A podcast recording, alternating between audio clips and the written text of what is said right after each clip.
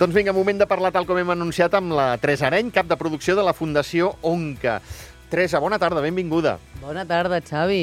A veure, escolta'm, eh, tenim moltes coses sobre la taula. Això està molt bé. Però perquè no parem. No, no, ja ho pots ben dir, ja. Ja ho pots ben dir que no pareu. No parem, no parem. Eh, malauradament, Mm.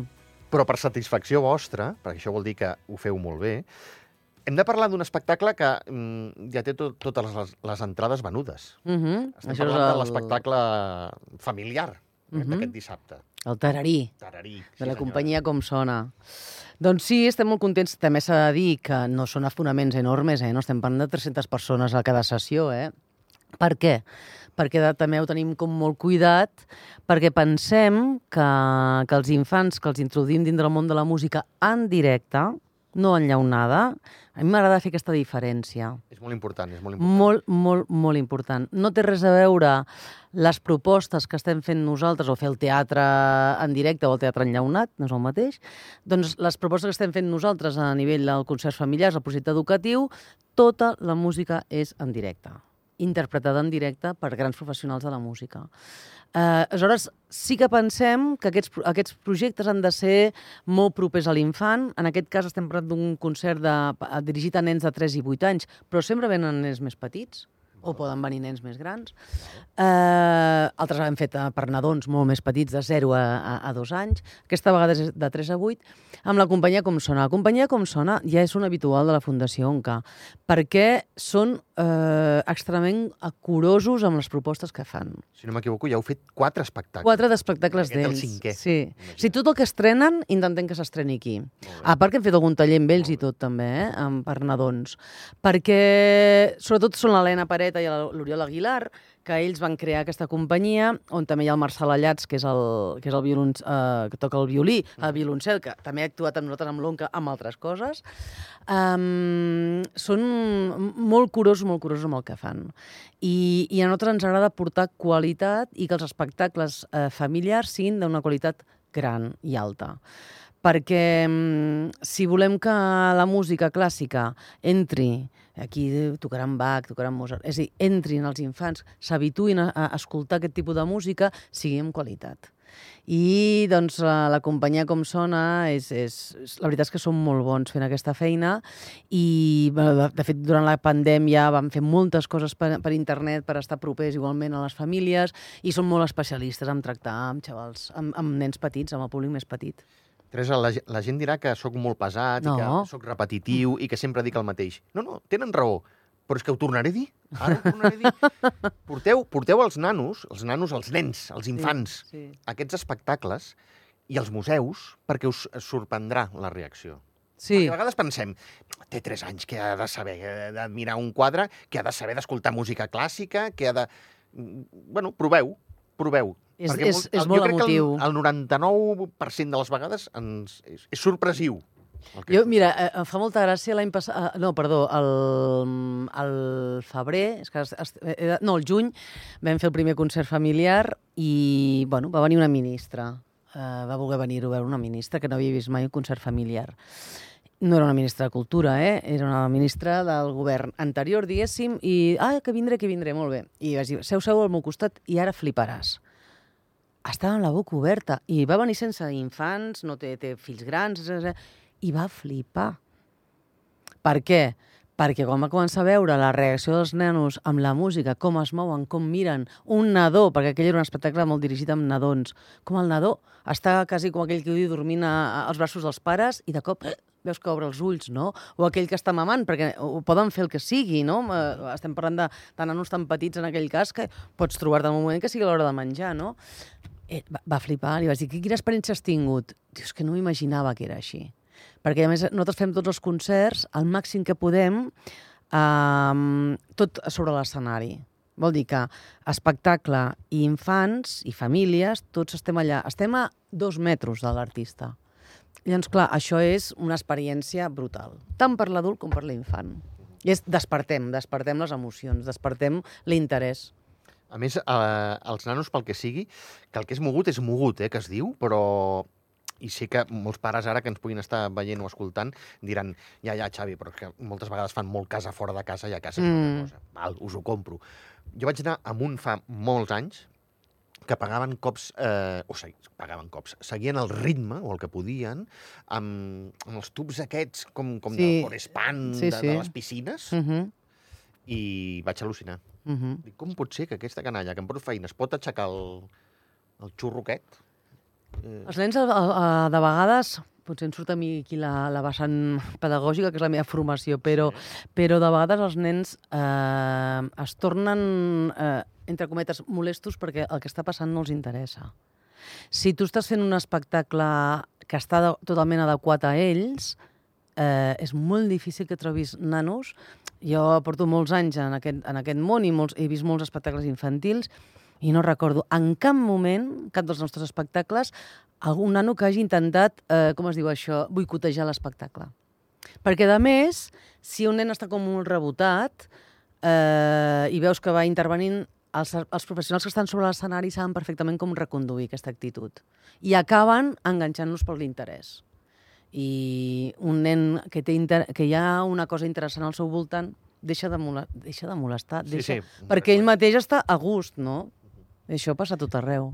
La música, no? Calma les feres.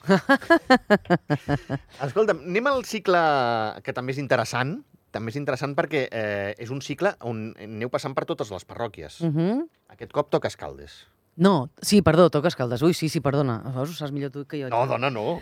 No, no, no. Uh, efectivament, vam començar el dia 23 de setembre a les Bons uh, i acabem aquest diumenge, dia 15 d'octubre, a Sant Miquel d'Angolasters. Hem fet uh, sis concerts, i amb el que ens queda set, uh, per celebrar aquests 30 anys de clàssica. Com bé sabeu, durant tot l'any estem celebrant el 30è aniversari de l'Orquestra Nacional, que no és dir poc, que no és poc, que hi ha moltes vegades que costa molt, any rere any, mantenir la flama de, de, de, del que estem fent. I, i se'ns ha ocórrer, ja ho vaig explicar-ho aquí també, se'ns ha ocórrer doncs, eh, celebrar un petits formats de música clàssica, petits tastets que anessin a tot arreu. I estem molt contents de, dels sis primers concerts i sobretot també estem molt, molt contents de la complicitat amb museus d'Andorra i amb patrimoni cultural d'Andorra, perquè sense la complicitat que hem tingut amb ells també hagués estat diferent. Se'ns ha ocórrer la idea de lligar patrimoni i música eh, des de museus, eh, amb la seva cap, la eh, Casa Vella, que la tens també sovint aquí o al matí, doncs eh, de seguida es van agafar amb aquesta proposta i he, hem lligat les dues coses. I, I per què té gràcia? No solament perquè obrim esglésies que habitualment estan tancades, sinó perquè, a més, afegim que mitja hora abans del concert eh, l'equip de professional de, de la, dels museus expliquen. Aquella, Està molt bé. eh, és molt Està xulo. molt bé. Molt bonic i, a més, això ens ho han agraït moltíssim al públic. Perquè a més et trobes que, no sé, diumenge passat que teníem el concert de solo amb la Carolina Bartomeu i alguna persona del públic em va dir Teresa, el que has dit al moment de presentar-ho és que m'ha passat a mi, és la primera vegada que entro en aquest. És algú del país, molt arrelat al país, molt actiu al país, no havia entrat mai a Sant Climent de Pal, per exemple, no? Eh, doncs és això, això passa. I vol dir que aquesta proposta que nosaltres fem permet que el públic conegui el patrimoni, que unim tot el patrimoni, tant pictòric, amb els frescos, com, com del patrimoni, com els claustres, com tot el que hi ha, no?, amb la música. En aquest cas amb la música clàssica, que això sí que va ser volgudament eh, demanat, que fos música clàssica. Al final sempre hi ha algun vis d'algun altre gènere, però sempre intentant... Eh... I aleshores acabem aquest diumenge amb el duo del Francesc Planella i la Mireia Planes, eh, violí i violoncel. Tots els músics que hem convidat són, són tots músics de l'Onca, menys el primer concert on vam convidar a dos músics de la Jonca, perquè també volíem mostrar que hi som i que és molt important continuar afavorint els músics de la Jonca per arribar després a l'Onca. Això és la nostra plataforma i treballem en aquest sentit. I doncs acabem amb el Francesc i la Mireia, amb aquest duo que ells han tocat altres vegades, amb, també amb un repertori eh, totalment clàssic. Ja que els has eh, citat, l'Esteve Ticó i la Paula González de Alaiza, eh? Això mateix. de la, de la Jonca. Eh, jo imagino que això també amb ells és un impuls, no? Bé, per ells va ser... És a dir, primer els, els, els, els convidem a, formar, a formar duo. Clar, la música de cambra... Aquest matí sentia la Clara Pla, eh, Pladevall, que parlava del Sí. cambra romànica, i deia això, i deia una cosa molt important, i deia la música de cambra és molt important que els, que els, els músics to- toquin molt temps junts. Clar, en el cas de la- de l'Esteve i la Paula, han tocat molt junts dintre l'orquestra de la Jonca, però no com a duo. I nosaltres estem provocant precisament això, perquè això també fa part de la seva formació. Què fa part de la seva formació? Que es coneixin un programa, que el discuteixin, entre dues cometes, amb l'Albert Gomí, perquè l'Albert Gomí els hi pugui dir, mireu, potser en, en lloc de posar això, poseu allò altre. En lloc de fer tres moviments, amb un hi hauria suficient. Perquè el programa sigui el més equilibrat possible, potser faltaria aquí un Mozart, o faltaria un Saint-Saëns, o faltaria el no sé què. I això també fa part de la formació. Val? I els obligues a, a, a trobar-se, a treballar i a formar-se com a duo, amb, amb, amb el que és la, la formació de cambra, que és molt important per després poder tocar bé amb una orquestra. I, i pensem nosaltres que és una oportunitat i ells ens ho agraeixen així, no? Sí, a l'Esteve va acabar el juny eh, els estudis superiors, la Paula està acabant el batxillerat artístic que s'ha anat a fer a Barcelona, perquè la seva idea és entrar a fer el superior a Barcelona, a l'ESMUC, al Liceu, allà on, on, on trobi plaça. bueno, eh, doncs aquest és el sentit de la nostra fundació. I quan veiem una Paula, que com aquell qui diu, amb 17 anys, té tants anys com jo, que fa que estic a l'onca, eh, l'has vist créixer musicalment, doncs és una satisfacció perquè l'has vist primer a l'Institut de Música al Comú d'Andorra la Vella, tocant a la secció de cellos de l'orquestra de l'Institut o dels alumnes de l'Institut, després l'has- convidat a entrar dintre la jonca perquè el seu perfil encaixava perfectament, ara està fent batxillerat artístic i serà la propera que entrarà a fer formació eh, superior. És, és fantàstic. La satisfacció és dir, enteneu-me la paraula que faig servir, eh, la primera sobretot, eh, l'això. Això ho ha creat l'ONCA? Amb això em vull, referir a, a, l'Esteve, a la Paula, etc etc etc. No, jo crec que no ho hem creat, sinó que hem ajudat a, a mantenir aquestes aficions que d'alguna manera els pares van, eh, van empènyer aquests fills. En el cas de la, de la Paula també és més fàcil perquè és filla d'una- pianista, no?, i ja ho ha viscut molt a casa, i d'un pare també molt vinculat al món del teatre, no? I la part artística l'ha viscut, i els avis a la coral, tot això al final també ho mames a casa, eh? En el cas de l'Esteve crec que no és tan així, però pel que sigui el van posar a fer música amb ell i la seva germana. I jo que, crec que la Fundació Enca ha contribuït, juntament amb l'Institut de Música, amb el professorat que hi ha a l'Institut de Música, han contribuït a que aquesta possible afició es transformi algun dia en professió. Deixa'm tornar al a la- Sí, Sí, ho has dit bé, he sigut jo que m'he equivocat Sant abans. Miquel d'Angolasters aquest cap de setmana. Uh, el Francesc Planella i la Mireia Planes, entre d'altres, uh, Händel, Boccherini, uh, un repertori que, evidentment, imagino, Teresa, que aconselles, que la gent s'hi apropi. Sí, perquè a més és veure, és, és, a veure, escoltar... Jo, per exemple, el cap de setmana passat vaig fer els tres concerts i cada un era molt diferent, però escoltar uh, música clàssica en uns entorns com aquests de les nostres esglésies romàniques és una experiència, és un plaer, és un regal, perquè mentre estàs escoltant estàs veient història, de vegades 800 anys d'història, eh, 1.000 anys d'història. No? L'altre dia ens explicaven a Sant Cerni, no? No, és que això és de l'any 1000, de l'any 1000. I mil anys més tard estem aquí, quin plaer. No? Jo, per exemple, l'altre dia, que més curiosament, bueno, curiosament, són circumstàncies, tinc els padrins, els iaios, enterrats a Sant Cerni, els hi deia, no? Avui escoltareu música en directe, no? Des de, ells estan enterrats allà a terra, diguéssim, al cementiri antic, i pensava, "Va, això és un plaer, és molt, és, és molt interessant eh, poder lligar tantes coses, no? És, és, bueno, jo penso que és un regal i la veritat és que he de dir que hem emplenat, que sigut, bueno, hem tingut algun overbooking, però hem deixat, no hem deixat ningú fora, però fins i tot la setmana passada a Sant Climent de Pal alguns ens escoltaven des de fora, perquè era impossible, no hi cabien a l'església, no? Que est estem molt contents. Uh, això vol dir que pot haver-hi una segona part d'aquest uh, tour per les diferents parròquies? Potser, no sé. Ara el que hem de fer, quan hague- haguem acabat el cicle, el tio parlar amb la Ruth, ens asseurem, valorarem i a veure què podem fer. No ens agrada molt repetir-nos, però potser se'ns acut alguna idea o potser assumem alguna altra cosa. No sé, ja veurem.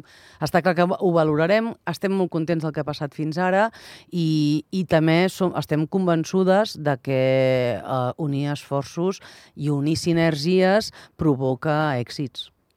Deixa'm anar a dissabte vinent, Mm. perquè tenim el concert d'inauguració del vuitè Cambra Romànica que fa precisament l'ONCA. Sí, des de fa tres anys se'ns ha ocórrer, eh, des de la Fundació ONCA, de proposar el cicle de cambra romànica de col·laborar amb ells. Els hi vam proposar i la veritat és que van tardar un segon en dir que sí, perquè nosaltres també pensem... Perdona que et talli. Aquesta és la feina ben feta de l'ONCA. Jo penso que anys. sí, jo penso que sí, que és molt important això, que hem d'estar, hem, hem de ser proactius i hem d'estar al servei de... Clar, al, al fer-los aquesta proposta, la nostra idea era dir ens agradaria que un dels nostres concerts a la temporada formés part de vosaltres, perquè és música clàssica, perquè esteu fent un cicle eh, de molta qualitat i que l'ONCA pensem que hi ha de ser. I us hem de regalar, perquè finalment és un concert que assumeix la Fundació ONCA, és a dir, govern d'Andorra i, i creem fundació, eh, i pensem que l'ONCA hi ha de ser. Clar, ens van dir de seguida que sí, per ells va ser un regal, i, i a més ens cuiden molt i nosaltres ens, els cuidem molt amb ells. I tenim una sinergia també de treball fantàstica amb el Cerny Pol, amb la Clara Bladavall i amb tot el col·lectiu de, de, de, de gent voluntària que treballa amb aquest, amb aquest cicle, amb aquest, a- Amics de Cambra Romànica, no? I per tercer any consecutiu, ells ens han proposat des de l'inici que fóssim eh, el concert inaugural i és quan vam anar a, a Santuari de Meritxell perquè, a més, clar, nosaltres anem amb orquestra de 16 i l'orquestra de 16 tampoc cap a totes les esglésies petitones, no? Clar. Ens ha semblat molt bona idea perquè antigament alguna vegada s'havia actuat a, a Santuari de Meritxell, però la veritat és que jo, amb els anys que feia que treballava a l'ONCA, no, hi havia, no havíem fet cap producció allà, i és un encert. Aleshores, eh, el primer any vam convidar el Raül Garcia com a concertina director, l'any passat la Marta Cardona com a concertina directora, i aquest any teníem molt clar que, que el Gerard, per celebrar aquests 30 anys de l'ONCA, doncs havíem de tornar-lo a convidar. O sigui, el Gerard va ser l'impulsor de l'orquestra, eh, va estar fins a l'any 20, del 93 a l'any 20, eh, al capdavant de la direcció artística i com a concertina director de l'ONCA, i quan es jubila entra a la Bergomí com a director artístic, però tenim molt clar que és el moment de tornar-lo a convidar i la veritat és que és fantàstic. És molt emotiu també, tant per ell com per nosaltres, no? Els músics estan encantats, és tornar recuperar una mica aquell pare, no? Que t'ha acompanyat durant molts anys. Sí, sí, sí, que et va veure néixer. Ah, efectivament, sí, sí, sí, sí, sí. sí. Eh, a banda d'això, sé que és solvència contrastada dir ja Gerard Claret, però Sí. per, per veterania, per jerarquia, per trajectòria... Eh, Per homenatge, Exacte, per tot això li tocava al Gerard, no? ah, efectivament. Teníem, això sí que ho vam tenir molt clar amb l'Albert i, i bueno, ell, ell va acceptar de seguida, li vam deixar totalment llibertat perquè decidís quin programa volia fer, perquè, bé, perquè ell se sentís també molt còmode i ell va, ell va ser el que va escollir doncs, fer el concert de violí de Bach i la Serenata de Tchaikovsky, que són dues peces molt, molt arrelades a la seva trajectòria artística, amb l'Onca, no? La Serenata s'ha tocat moltes vegades, potser no tant aquí, sí que recordo que vam tocar un any pel concert de, de la Constitució al vestíbul del Consell General, però bueno, hem tocat a molts altres llocs, eh? Per, a festivals de música clàssica a Catalunya i això. Perdona, Teresa, t'atreviries a dir que és la, aquestes dues peces, eh? Són les que marquen eh, una mica Gerard Claret? Bé, les quatre estacions de Vivaldi també, els divertimentos de, de Mozart i també les sinfonies de cor, per, les sinfonies per corda de Mendelssohn. I després, la, després alguna obra com, com Sant Martí de Canigó. És el que diria que una mica amb els anys... Després també molta obra de recuperació d'autors catalans com la Mot la Grignon, com, com eh, Montsalvatge, etc etc. no? El Gerard ha sigut una, una persona que ha intentat recuperar molt eh, tot el patrimoni de, de trajectòria catalana. També no podem oblidar que és fill de qui és, malgrat sigui andorrà, té tota una història al darrere, la seva família brutal, brutal, no? brutal. que, que, Home, que ja... fundador d'Esquerra Republicana. El eh? pare, sí, sí. Clar, vull dir- Bueno, i tot el personatge, que és molt interessant, Sí, sí. que si llegiu l'últim llibre de l'Andreu Claret, eh, exemple. bueno, jo vaig gaudir moltíssim, ho vaig passar molt bé llegint-lo. Eh, veus una mica doncs, el personatge aquest, que és un personatge, no? Sí, sí. Doncs la... Però el Gerard sí que... mm, Ja té les serenates d'Elgar, bueno, tot això, el Gerard eh, ho ha treballat molt. Bé, estem, estem molt contents i serà un, un nou regal per, també per fer la guinda d'aquests 30 anys, no? que l'acabarem amb el concert de Santa Cecília que farem al novembre.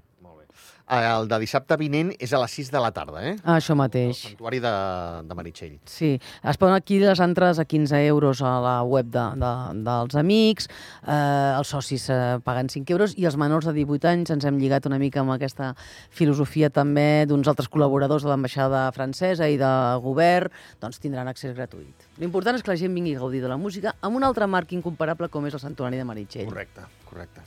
Quin, quin millor lloc, eh? Sí, a més té una bona acústica. Nosaltres no ens col·loquem a l'altar, perquè això ho vam descobrir fa 3 anys, ens col·loquem en un lateral on hi ha a més uns vidres que ens projecten i té una acústica molt especial. Teresa Arany, cap de producció de la Fundació Onca, moltíssimes gràcies. Moltes gràcies, Xavi, per convidar-nos. Seguiu treballant així. Sí, ho farem, ho farem. Gràcies, bona Moltes tarda. gràcies, eh?